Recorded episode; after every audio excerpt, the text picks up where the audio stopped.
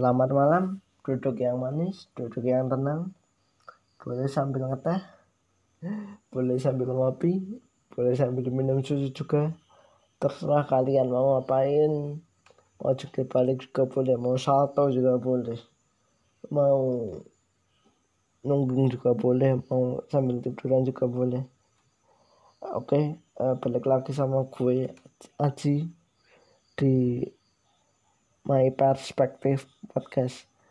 Di episode kali ini gue nggak mau nentuin tema apa pun soalnya mungkin di sini gue mau cerita doang soal apa yang ada di pikiran gue sejak dari siang. Oke, gue ceritain. Jadi sejak dari siang itu eh, tiba-tiba gue keinget sama beberapa jajanan anak-anak 90-an yang biasanya ada di depan SD. Ya SD kampung sih menurut gue karena gue nggak tahu kayak kalau di kota itu kayak apa tapi di kampung-kampung biasanya di SD dekat kampung itu biasanya ada jajanan kak cilok atau aromanis lah kok aromanis gulali kado atau semacamnya. Tapi yang paling gue ingat itu adalah cilok. Sebelum bahas soal cilok eh, gue mau bahas dulu deh kenapa tiba-tiba gue gak ingat itu dan sampai sekarang masih ingat jadi tadi siang itu tiba-tiba ada tukang es doger yang lewat jalan dekat rumah gue. Jadi ada jalan nih yang dekat rumah gue. Nggak enak. Tukang es doger ini lewat. Nah gue gue belilah es itu. Terus pas gue makan tiba-tiba ada beberapa memori yang hingga yang teringat soal jajanan-jajanan ini.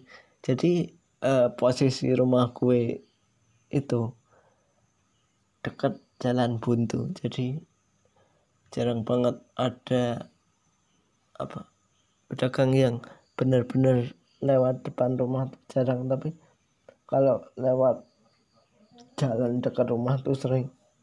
Tapi waktu kecil gue juga jarang beli sih soal soalnya nggak punya duit. Terus balik lagi ke ke jajanan yang tadi. Paling gue ingat itu cilok. Soalnya kalau cilok beberapa orang tua teman-teman gue anak-anak yang sejaman sama gue itu pasti setiap anak-anaknya beli cilok dan ketahuan. Itu pasti ada larangan yang kebanyakan orang tua ucapin. Larangannya itu adalah nggak boleh pakai saus. Entah tujuannya nyegah anaknya biar nggak main cerita atau apa nggak tahu pernah itu. Tapi uh, menurut gue itu aneh. Kenapa aneh eh, karena larangannya itu agak-agak ya biar lebih jelas gue kasih contoh di bahasa Jawa tapi ya nanti gue translate ke Indonesia. Jadi banyak orang tua teman-teman gue termasuk ibu gue juga bilang gini. Kalau lihat anaknya beli cilok itu bilang gini lay aja nggo saus. Sausnya digawe saka tomat bosok le aja nggo saus. Eh apa? Lombok eh urung mateng. Nah kalau di bahasa Indonesia ini kayak gini. Le jangan jangan pakai saus. Itu dibuat dari tomat busuk. Le jangan pakai saus. Itu cabenya belum matang menurut gue kalimat itu agak aneh. Ya walaupun kenyataannya ada beberapa pedagang itu yang curang kayak di berita-berita reportase investigasi kayak bakso borak bakso daging tikus atau semacamnya yang mungkin saja kita pernah makan tapi kita nggak tahu. Entah tikusnya hidup lagi. Atau gimana nggak tahu. Uh, kalau perut lo kayak ada yang jalan mungkin itu tikus. Dan lo pernah makan. Nah oke. Okay. intermezzo aja. Ya, balik ke balik ke cilok tadi. Uh, kalau ngomongin soal cilok gue juga inget di depan SD waktu gue SD itu ada tiga orang abang-abang tukang cilok. Dan semua abang-abang itu laku keras kalau di sekolah. Iya kalau di sekolah. Eh, kenapa gue tekenin ini? Eh, karena ada salah satu dari tukang cilok ini yang kalau keliling nggak laku atau ya seperti itulah gue nggak tahu uh, apa sebabnya. Tapi uh, pedagang cilok yang gue maksud ini adalah seorang bapak-bapak yang umurnya agak udah tua lah. Bukan agak tapi udah tua. Sekitar umur 40 sampai 50-an lah. Lupa mereka eh kok mereka. Beliau itu udah jenggotan uh, udah putih lah. Dan udah putih atau belum ada jenggot ya lupa gue. Tapi pokoknya bapak-bapak ini tuh sederhana banget. Uh, gue nggak tahu bisa ngukur bapak ini 40 sa sampai 50 tahun itu dari mana tapi gue rasa umurnya segitu deh waktu gue kecil. Nah uh, bapak-bapak ini itu gue ingat banget gerobaknya itu warnanya biru warnanya biru. Dan uh, kalau jualan itu pakai sepeda kayu. Ya sepeda kayu jadi uh, apa dagangannya itu ada di belakang. Terus bapaknya naik sepeda. Ya kayak tukang cilok sam pada kok pada umumnya ya soalnya sekarang itu kan cilok pakai motor sih. Eh, jarang banget yang pakai itu. Sepeda. Ya itulah bapaknya. Nah eh, pernah nih eh, bapaknya ini lewat di jalan dekat rumah gue. Tuh gue mau beli. Itu gue nggak ada uang Nah posisinya waktu itu gue lagi di rumah sama mbah gue nggak tahu mbah gue lagi tidur. Apa ke kamar mandi? Lupa gue. Tapi posisinya gue itu nggak ada uang. Ya seperti yang gue bilang di podcast kemarin. Atau tadi ini kalau nggak salah gue sebut uang saku gue kelas 1 sampai kelas 3 SD itu sekitar 200 sampai 800 rupiah. Lupa berapa tapi sekitar segitu. Eh, nah bapak ini nah balik lagi ke pembahasan bapak gerobak biru. Nah biar lebih enak gue sebut bapak gerobak biru. Nah bapak gerobak biru ini kalau di sekolah itu laku banget. Enggak laku sih rame bukan bukan laku banget sih tapi ya ramai lah banyak yang beli. Tapi ketika bapak ini lewat kampung-kampung khususnya kampung gue itu tuh kurang laku. Dan ada kesempatan yang seperti gue bilang tadi gue itu mau beli tapi nggak punya uang.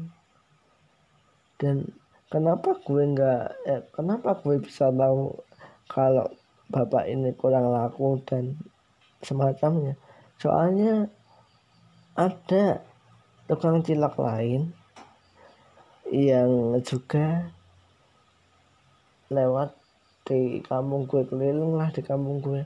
Nah uh, itu itu laku banget tapi nggak tahu kenapa uh, punya bapak ini tadi tuh kurang laku. Uh, gue gue itu kadang mau beli nggak punya uang. Tapi untungnya beberapa temen gue tetangga anak-anak tetangga itu pada beli sih. Tapi dari daripada pedagang yang lain kalau pas keliling bapak ini yang paling sepi. Nah gue nggak tahu kenapa. Dan gue kan kadang juga beli punya bapaknya ini di sekolah maupun di rumah. Itu menurut gue ya ciloknya kayak cilok umum nggak ada yang aneh nggak tahu kenapa. Kenapa pedagang lain bisa laku tapi bapak ini enggak apakah anak-anak itu uh, membeli cilok itu bergantung sama umur pedagangnya? Gue rasa enggak soalnya anak-anak itu pada umumnya itu lebih mentingin soal jajan dan rasanya enak apa enggak. E, menurut gue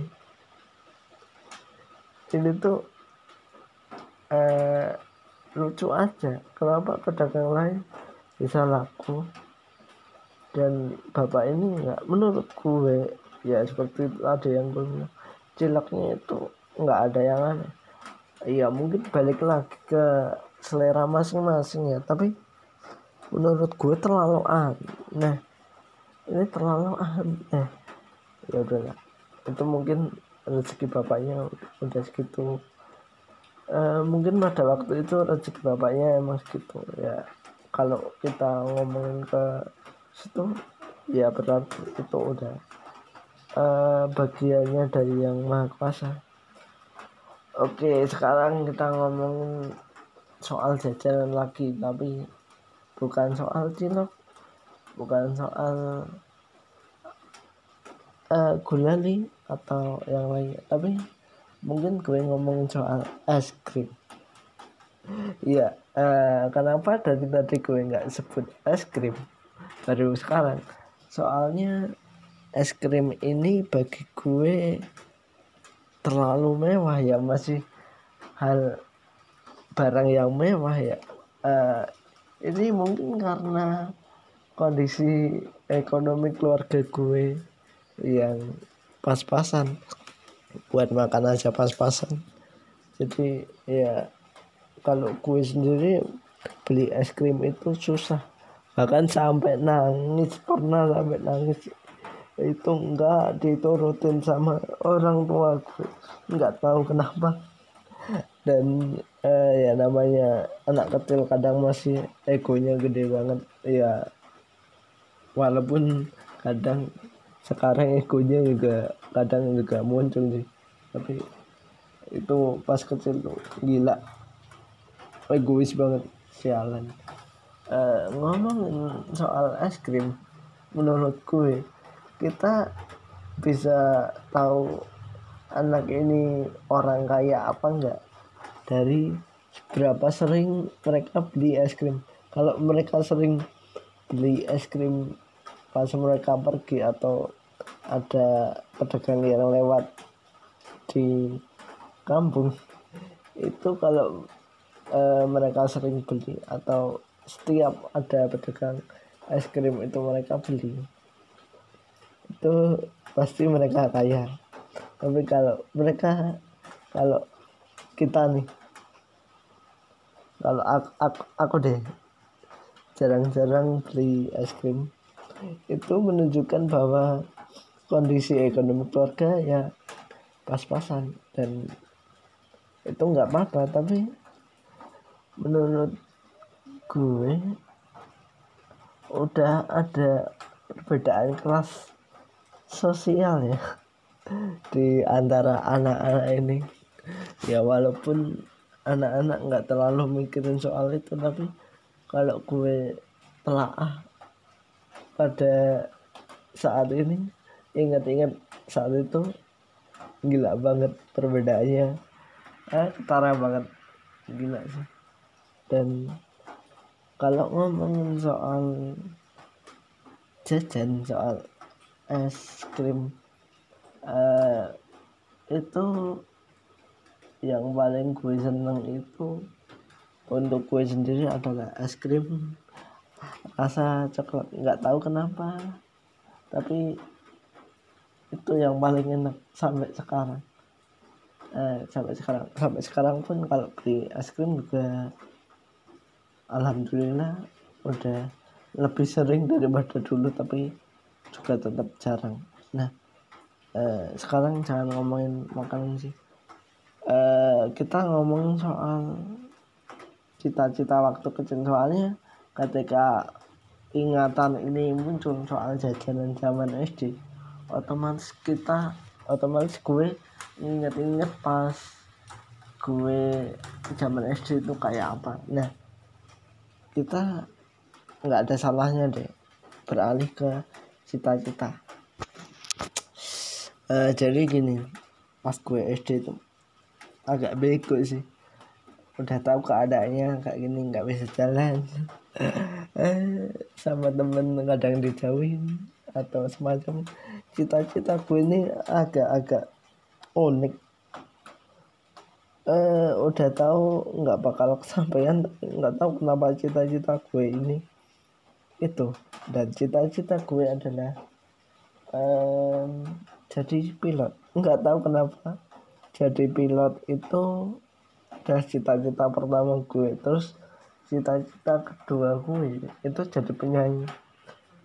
Uh, setelah gue sadar kalau suara gue itu nggak enak ya cita-cita itu akhirnya kandas. Tapi yang paling bego nih soal jadi pilot. Entah entah kenapa gue bisa kepikiran kayak gitu. Uh, mungkin karena gue waktu itu meyakini bahwa gue ini pasti bisa jalan suatu saat nanti. Karena pas kecil itu entah pas uh, dibeliin di traktor es krim balik lagi es krim. Kadang tuh es krim emang itu sih gue di traktor sama orang. Kadang kadang tuh ditanya Ci kapan mau jalan? Ya namanya anak-anak. Ya ngucap aja sekenanya. Eh gue kok gue eh ya nanti lebaran lah. Mau jalan. Kalau bahasa Jawanya ya sok bodoh. Ya kalau bahasa Indonesia nya ya nanti lebaran. Nggak tahu kenapa uh, gue saat itu setiap tahun pas gue kecil itu pasti kalau ditanya orang sih kapan jalan? Uh, besok lebaran besok lebaran. Sok bodoh sok bodoh sok bodoh. Dan uh, ingatan itu agak lucu sih menurut gue. Gimana gue gue bisa meyakini hal itu?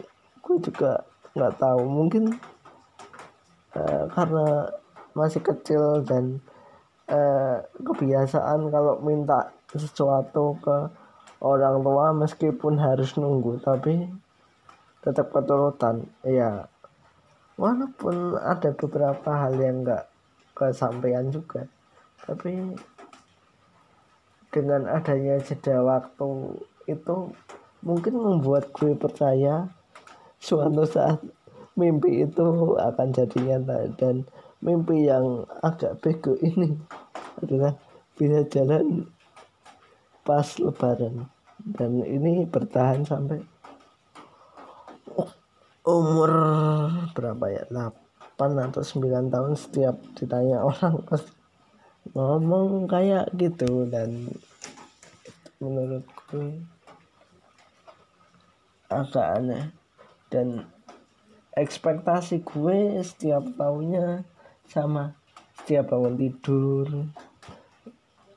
setiap bangun tidur gue berharap eh, gue bisa jalan. Pas gue kecil eh, pas zaman zaman gue drop itu di SMP itu atau SMA itu gue juga harapan maksud gue harapan itu juga balik sih. Nggak tahu kenapa mungkin gak, karena secara psikologis lagi drop atau yang lainnya.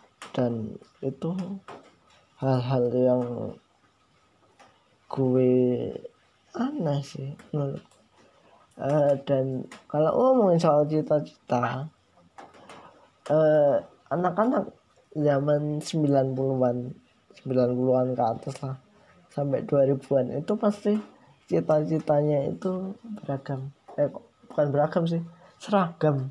Kalau nggak jadi polisi jadi dokter kalau nggak jadi dokter jadi tentara. Kalau nggak jadi tentara jadi perawat buat yang cewek. Jadi dokter juga bisa sih uh, ya itulah uh, jadi cita-cita itu masih monoton tapi buat anak-anak sekarang mungkin cita-citanya jadi youtuber lah atau gamer lah atau apalah. Tapi ngomongin soal YouTube sama gamers ada banyak anak-anak tetangga gue yang masih kecil itu udah pakai kacamata. Dan ini mungkin efek negatif dari teknologi ya gue nggak tahu. Ya mungkin cukup sekian bacaan gue kali ini dan bacaan ini gue nggak tahu mau gue kasih judul apa. Ya nantilah kalian lihat sendiri. Dan terima kasih sudah mendengar bacotan ini sampai selesai. Dan ditunggu episode selanjutnya. Terima kasih